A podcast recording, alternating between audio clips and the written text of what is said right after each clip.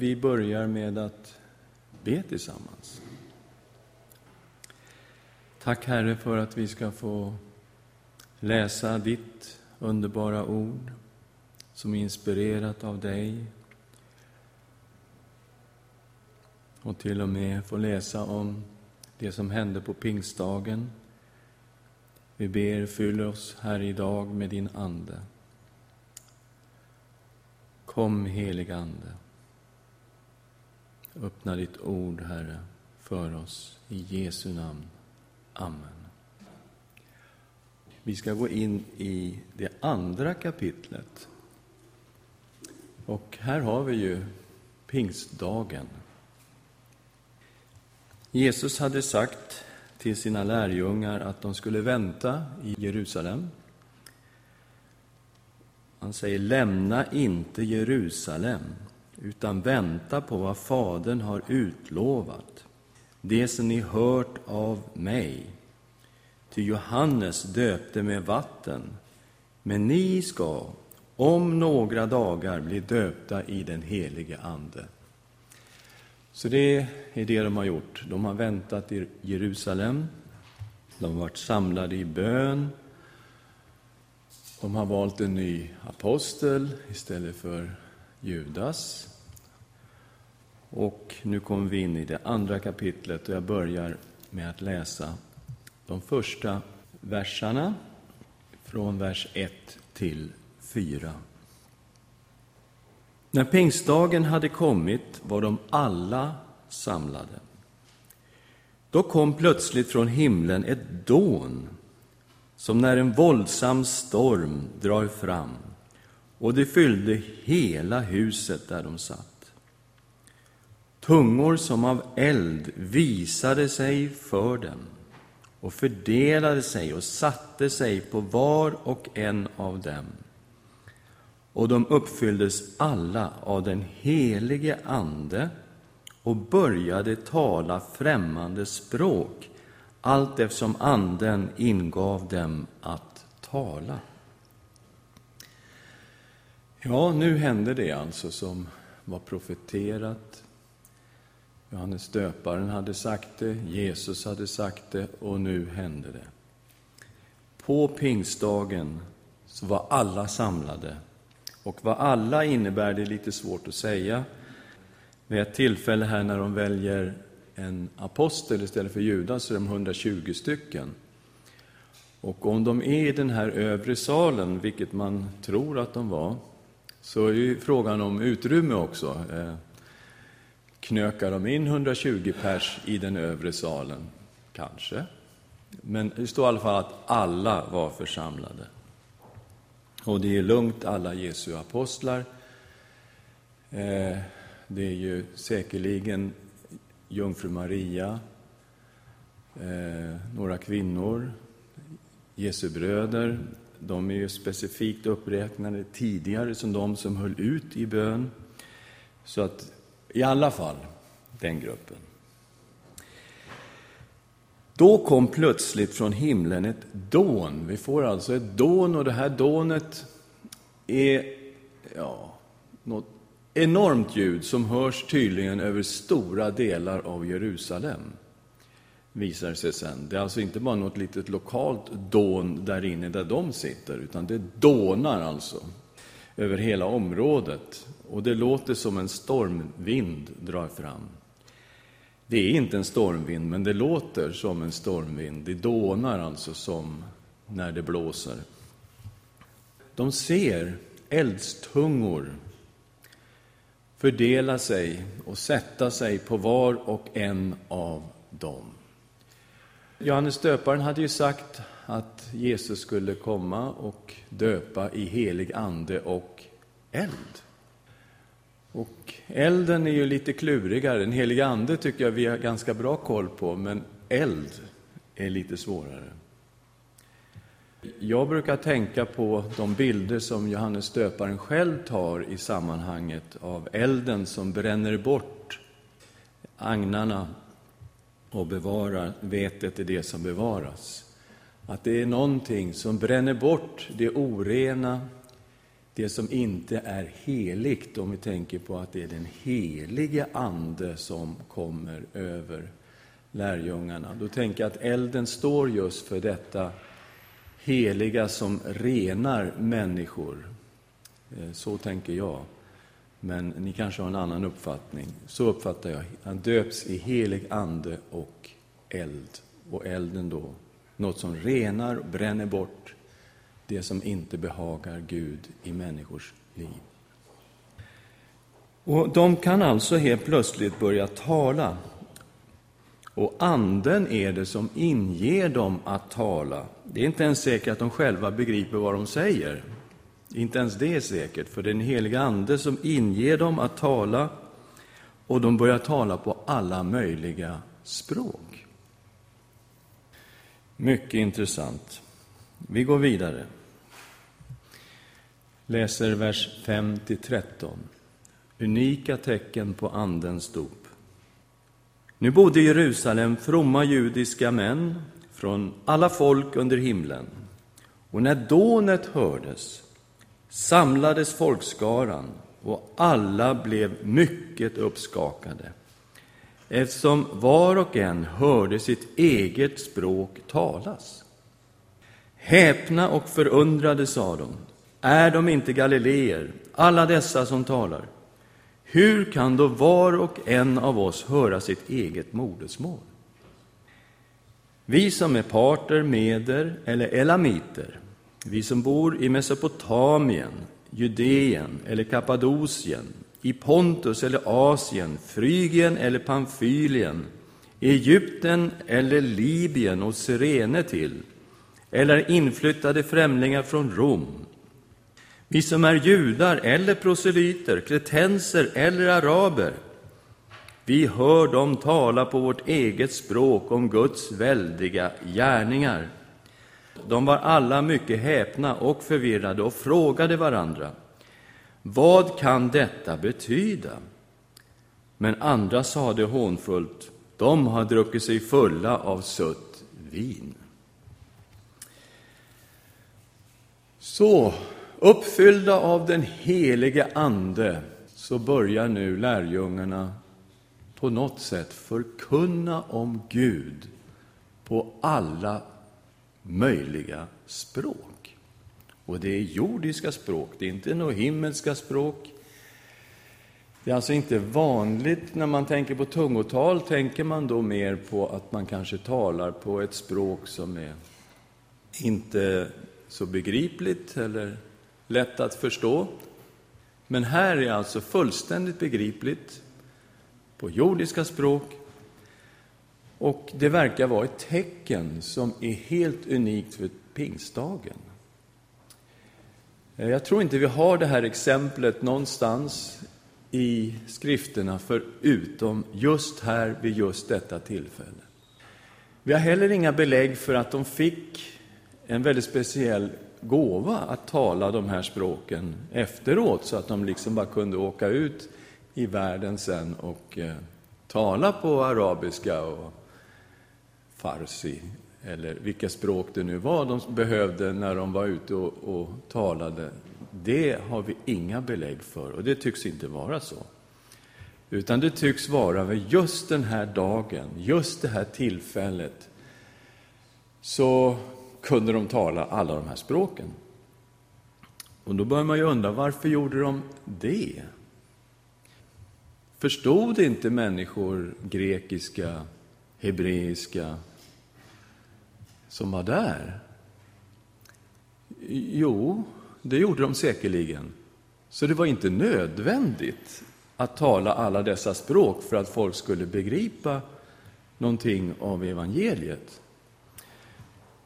Då blir det någonting annat. Ja, då blir det ett fullständigt unikt tecken. Ett tecken för alla de som var där, att här har vi nu hört ett jättedån. Det låter som det stormar där borta, vi måste dit och kolla. Det blir en folkskockning på grund av dånet som hörs över hela området. Och när de kommer dit så får de alltså höra galileer som betraktas som olärda människor som inte har studerat särskilt högt ytterst vanliga människor, fiskare och you name it. Och de står där alltså, de talar alla de här språken. Förstå vilket tecken detta blir för de som är där.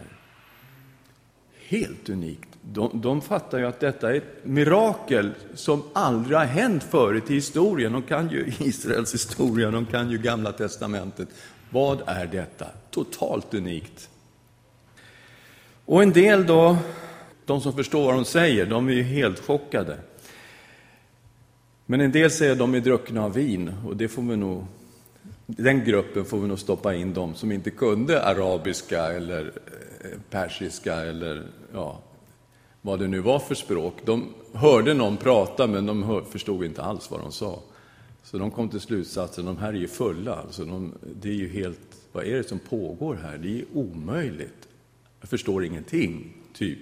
Jag kan inte språket. Och vad ska vi göra av detta? Petrus ställer sig upp, han som tidigare var så ängslig, han som förnekat Jesus tre gånger. Han ställs nu upp, fylld av den heliga Ande och i full frimodighet predikar han. Och han förklarar andedopet. Och det gör han i en fantastisk predikan som han håller här mellan vers 14 och 36. Han börjar utifrån Joel-profetian och vi läser från vers 14. Då trädde Petrus fram tillsammans med de elva och tog till orda och talade till dem. Ni judiska män och alla ni som bor i Jerusalem. Detta bör ni veta och lyssna nu på mina ord. Det är inte som ni tror att dessa är berusade. Det är ju bara tredje timmen på dagen. Nej, det är detta som är sagt genom profeten Joel. Och det ska ske i de sista dagarna, säger Gud. Jag ska utgjuta av min ande över allt kött.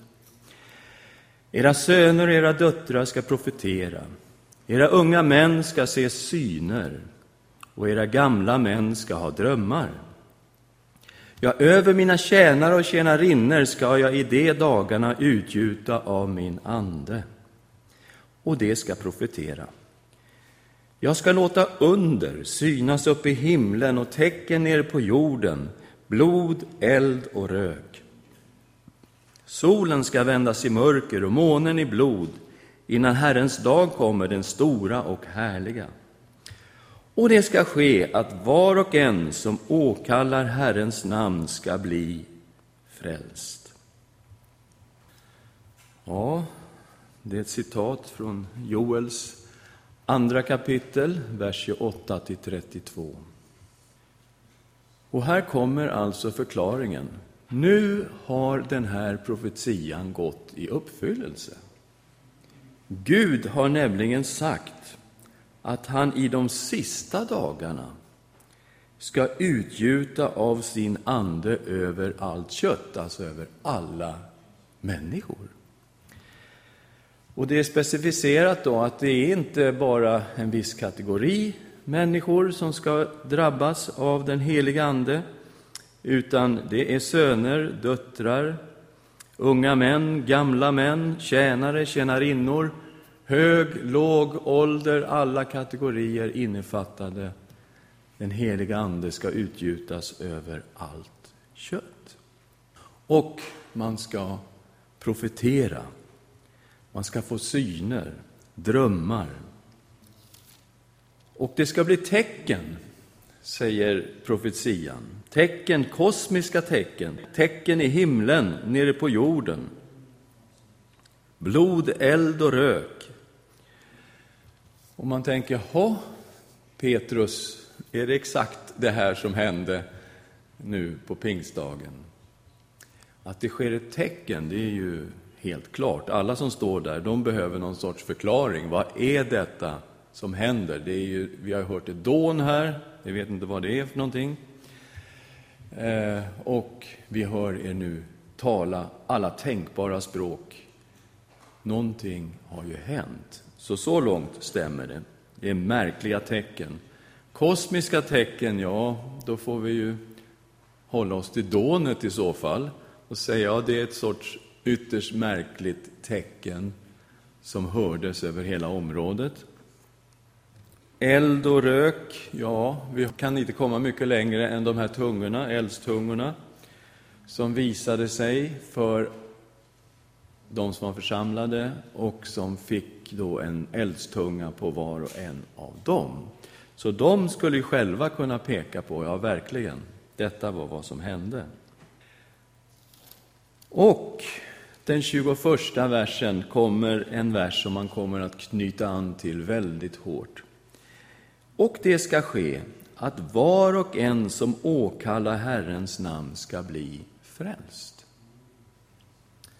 Och nu kommer en predikan som jag tror är en förklaring av andedopet. Eh, oftast när man läser den tänker man, jaha, var det här en förklaring av andedopet? Det tyckte jag inte, typ. För han bara pratade om denne Jesus hela tiden. Eh, och just det, precis, det var det han gjorde. Han talade om denne Jesus hela tiden. Och där tror jag vi har nyckeln till andedopet. Var en som åkallar Herrens namn ska bli frälst, och det är klart, i Joels profetia är ju Herren Jahve. Det är alltså Gud, det finns ingen tvivel i den hebreiska texten vem Herren är. Men nu kommer Petrus att sätta igång och lägga ut en text för att klara att Jesus är Herren. Och det blir lite spännande. Han talar om en människa, nämligen. Vi ska se hur han gör detta. Han börjar med Jesus och apostlarnas vittnesbörd. I vers 22. Israeliter, lyssna till dessa ord. Jesus från Nasaret var en man som Gud bekände sig till inför er genom kraftgärningar, under och tecken som Gud genom honom utförde mitt ibland er, så som ni själva vet. Efter Guds fastställda plan och beslut blev han utlämnad och med hjälp av dem som är utan lagen spikade ni fast honom på korset och dödade honom. Men honom har Gud uppväckt och löst ur dödens vånda eftersom det inte var möjligt att han skulle behållas av döden. Ja, här kommer nu alltså ett vittnesbörd. Han påminner dem om, kommer ni ihåg hur det var 50 dagar sedan, det här är pingstdagen. Kommer ni ihåg det? Vad hände?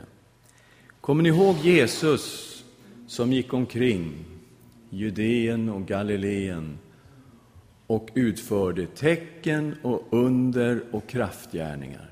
Kommer ni ihåg det här? Ja, säger alla. Det, det minns ni väldigt tydligt. Och, och Petrus säger, så som ni själva vet så gjorde Gud enorma under genom den här mannen, Jesus från Nasaret. Och redan här så kommer då två läger, så att säga. Vi har ett läger, består av Gud, och så har vi det andra lägret som består av ni. Vad gjorde ni? Alltså Gud, han bekände sig till Jesus. Han bekräftade Jesus. Han gjorde tecken och under genom Jesus. Det är vad Gud gjorde. Vad gjorde ni då? Ja, ni eh, dödade honom. Ni såg till att han blev korsfäst. Ni hade ingen auktoritet i det här, så ni använde människor som inte känner lagen, alltså romarna. Tog ni hjälp av romarna för att få honom avrättad på ett kors. Det gjorde ni. Här har vi nu två läger av Gud som har bekänt sig till den här och så har vi det här gänget som har sett till att han har blivit dödad, avrättad. Två läger, det ska vi hålla i minnet. Men, säger Petrus, det här skedde ju enligt Guds plan. Man han skulle kunna rada upp ganska många profetier om Herrens lidande tjänare, Jesaja 53, profeterat 700 år före Kristus. Ja, visst, det här skedde ju enligt Guds plan. Så då han knyter an till någonting de vet, vittnesbördet om Jesus. Och sen säger han då i slutet av vers 24, det var inte möjligt att han skulle behållas av döden. Och det är klart man kan säga, va? Vadå inte möjligt? Det, det, alla andra då? Varför var det inte ens möjligt att han skulle kunna behållas av döden?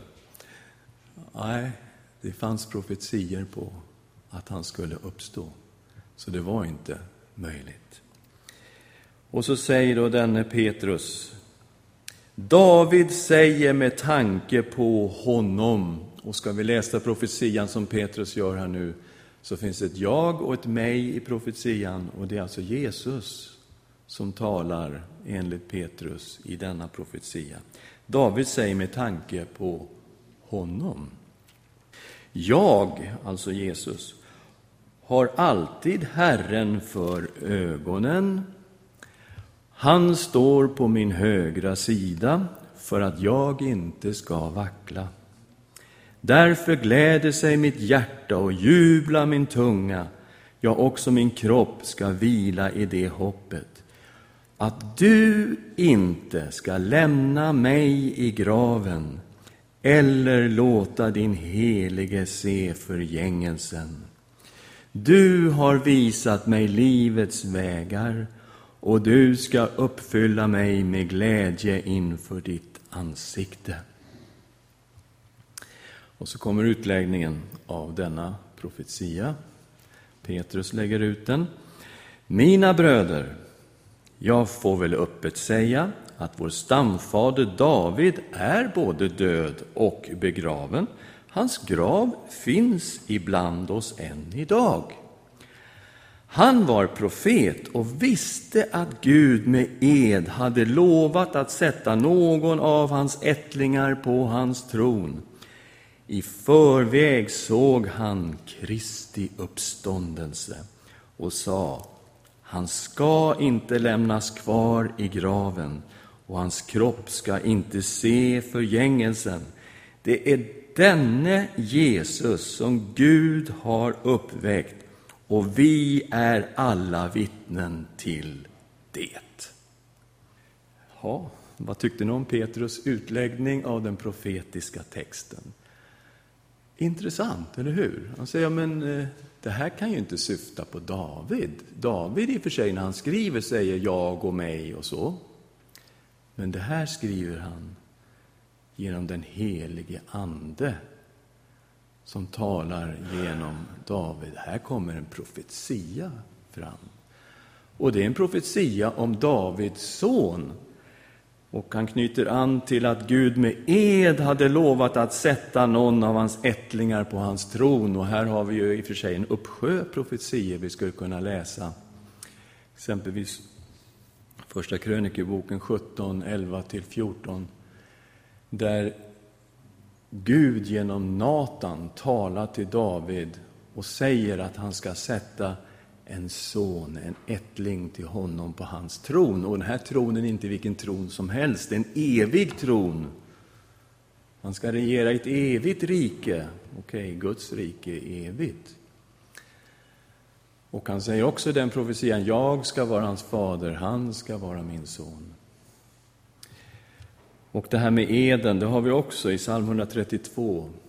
Eden given till David, att en ättling från honom ska sitta på hans tron. Så han knyter an till gamla testamentliga profetierna och så säger han att i förväg, vers 31, såg han Kristi uppståndelse, och nu tar han ordet i sin mun, Messias. Jesus, ni vet han som ni korsfäste, han som Gud bekände sig till. Han är Kristus. Han är Messias. Nu kommer det.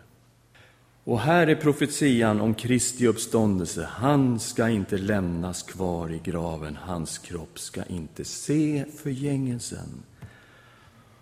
Och lyssna nu, alla i Jerusalem. Gud har uppväckt honom från de döda. Och vi som står här, tycker ni vi är konstiga? Vi som talar arabiska, persiska och alla andra språk, tycker ni vi är konstiga? Okej? Okay. heliga Ande har kommit över oss. Vi är uppfyllda av den heliga Ande. Och vi vittnar, vi är vittnen till den här uppståndelsen. Vi är ögonvittnen till Jesu uppståndelse. Ja, så det är klart, han kunde ju inte då behållas av döden. Det förstår vi nu. Det var ju profeterat att han skulle uppstå från de döda. Han går vidare, han ger sig inte, för han är ju mycket mån om att komma fram till att Jesus är Herren. Så vi läser vers 33 till 35. Sedan han nu genom Guds högra hand har blivit upphöjd och av Fadern tagit emot den utlovade helige Ande har han utgjutit detta som ni ser och hör. Ty David har inte farit upp till himlen, men han säger Herren sa till min Herre Sätt dig på min högra sida tills jag har lagt dina fiender som en fotapall under dina fötter. Det gick vidare. Gud har inte bara uppväckt honom från de döda. Nej, han har upphöjt honom. Han har faktiskt tagit honom till himlen. Han har haft en himmelsfärd. Jag kan tänka mig att judarna så stod där bara gapade. Alltså. Eh, men det var inte så konstigt, säger Petrus, för det var också profeterat att han skulle fara till härligheten. Han skulle förhärligas och han skulle fara till härligheten. David har inte farit upp till himlen, men han säger Herren sa till min herre Sätt dig på min högra sida tills jag har lagt dina fiender som en fotpall under dina fötter. Ja, Faderns högra sida är ju en ganska upphöjd position, skulle ni hålla med mig. Det är den högsta positionen av auktoritet, härlighet och makt i hela universum. Och där säger David, Herren sa till min Herre, alltså Messias, sätt dig på min högra sida. Och profetian alltså utpekar denne Messias som sitter på Faderns högra sida i härligheten som Herre. Okej, nu börjar vi närma oss vad Petrus är ute efter. Var och en som åkallar Herrens namn ska bli frälst. Okej. Slutsats i predikan. Jesus är Herre och Messias. Därför ska hela Israels folk veta, vad ska hela Israels folk veta? Att den är Jesus, som ni korsfäste, honom har Gud gjort till både Herre och Messias. Okej, här har vi tvådelningen, kommer ni ihåg den? Gud, han bekände sig 110 procent till Jesus från Nasaret. Ni såg till att han blev avrättad. Två läger. Gud har alltså i profetierna och i verkligheten nu bekänt sig till denne Jesus och gjort honom till Herre och Messias. Vem är han? Jesus. Ja, om vi smygtittar lite bakåt Lukas kapitel 2 i julevangeliet så har ju faktiskt ängeln som talade med herdarna talat om just detta. Men det visste i och för sig inte alla som stod där. Men vi läste det ändå. Vad säger ängeln till herdarna i vers 10, kapitel 2, Lukas. Men ängeln sade, var inte förskräckta. Se, jag bär bud till er om en stor glädje för hela folket. Ty idag har en frälsare blivit född åt er i Davids stad, och han är Messias, Herren. Okej, nu har ju Petrus kommit fram till det i sin predikan, men ängeln sa ju det rakt på där eh, när han föddes, vem han är. Att han är Messias, Herren. Ja, eh, vad gör vi nu då? Nu har vi kommit fram till att Jesus är Messias och han är Herre. Vad händer då? Ja, då blir Jesu namn viktigt, förstår ni. Nu är det laddat med otroligt innehåll. Den är Jesus från Nasaret, helt plötsligt laddad med de oerhörda innehållet av att vara Messias och Herren. Vi kommer till 37 versen. När de hörde detta högg det till i hjärtat på dem. Och de frågade Petrus och de andra apostlarna, bröder, vad ska vi göra? Petrus svarade dem, omvänd er och låt er alla döpas i Jesu Kristi namn, så att era synder blir förlåtna. Då ska ni få den helige Ande som gåva. Ty er gäller löftet och era barn och alla de som är långt borta, så många som Herren vår Gud kallar. Också med många andra ord vittnade han och uppmanade dem, låt er frälsas från detta bortvända släkte. De som tog emot hans ord döptes, och så ökades antalet lärjungar den dagen med omkring tre tusen. Det blir en reaktion. Nu helt plötsligt så träffar Guds ordet dem i hjärtat. Den helige Ande är ju utgjuten, så okay, vi är inte så jätteförvånade att de känner ett stygn i hjärtat. För det är vad den helige Ande är utsänd för att göra. För att vittna om Jesus, förhärliga Jesus, överbevisa om synd och rättfärdighet och dom. Och här kommer de, känner ett stygn i hjärtat. Frågar Petrus och de andra, vad ska vi göra? Okej, okay, han har i predikan talat om, här finns ett läger, det är Gud. Ser ni vad Gud har gjort? Ser ni vad Gud har sagt genom profeterna om Jesus? Och här har vi detta bortvända släkte som har alltså förkastat Messias, sett till att han blivit korsfäst. Vad ska vi göra? Har du något förslag? Ja, jag har ett förslag, säger Petrus omvänd er och låt er alla döpas i Jesu Kristi namn, så att era synder blir förlåtna. Var en som åkallar Herrens namn ska bli frälst, säger Joel. Och här kommer utläggningen rakt igenom predikan och till slut är man framme där.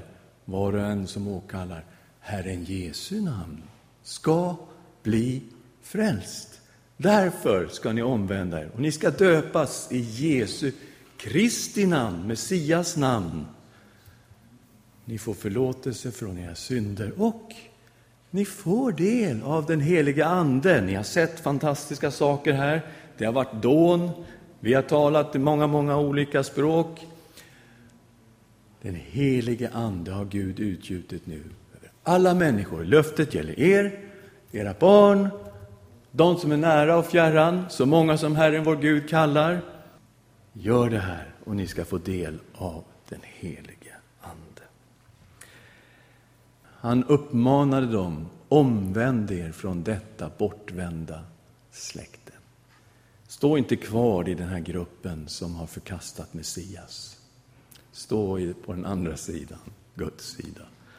Och 3000 människor omvänder sig och blir döpta. Helt fantastiskt. Har han förklarat andedopet? Jag tror det. Jag tror han har gjort det alldeles lysande, Petrus. Johannes döparen hade sagt om Jesus i Lukas 3.16 att han som kommer efter mig, det är han som döper i helig ande och eld. Jesus kom. Han undervisade om Anden. Men han säger, om någon törstar ska han komma till mig och dricka. Den som tror på mig, där har du kriteriet. Den som tror på mig, ur hans innersta ska strömmar av levande vatten flyta fram, som skriften säger. Detta sade han om Anden, vilka det som trodde på honom skulle undfå. Så Jesus har inga andra kriterier än tro på Jesus, tro på honom. Paulus då? Ja, han undervisar ju också om andedopet och det gör han i Första Korinthierbrevet 12, vers 12 och 13. I en och samma ande blev vi alla döpta till att utgöra en och samma kropp. Så att alla de som är lemmar i Kristi kropp är döpta i den heliga Ande, enligt Paulus då. Och det betyder ju att vi måste ställa oss frågan, hur blir man en lem i Kristi kropp? Jo, genom att göra det som Petrus uppmanade alla att göra på pingstdagen. Åkalla Herren Jesu namn, så blir du frälst. Dina synder blir förlåtna och du får den helige Ande som gåva. Så visst, vi har undervisningen här, den är väldigt tydlig i Nya testamentet. Men sen sätter vi olika etiketter på saker och ting. Vi människor är ju duktiga på etiketter. Ehm, det man i vissa kretsar kallar för andedop är egentligen en uppfyllelse av den heliga Ande. Och det kommer vi att möta här i, i Apostlagärningarna. Uppfyllelsen av den heliga Ande. Vi möter den på två sätt i Apostlagärningarna. Vi möter den dels att man kan bli uppfylld av den heliga Ande för en väldigt speciell situation. Och då kan det ske med starka manifestationer. Och det kan en del kalla för andedop, men det är en uppfyllelse av den heliga Ande och vi ser den, vi möter den i Apostlagärningarna och den kan ske mer än en gång. Det är inte så att om man bara blir uppfylld av den helige Ande en gång så kan man aldrig bli det igen. Nej, man kan bli uppfylld av den helige Ande många gånger i sitt liv. Och det kan komma med starka manifestationer av Guds närvaro. Men så finns den andra formen också i Apostlagärningarna och det är att man lever ett liv nära Jesus fylld av den helige Ande. Alltså, man ska beskriva Barnabas, vem är han? Ja, han är en man full av helig Ande och tro. Ja. Och det är inte någonting som går upp och ner, utan det är just den som vandrar med Herren, fylld av Guds ande och tro. Nu hinner vi inte mer idag.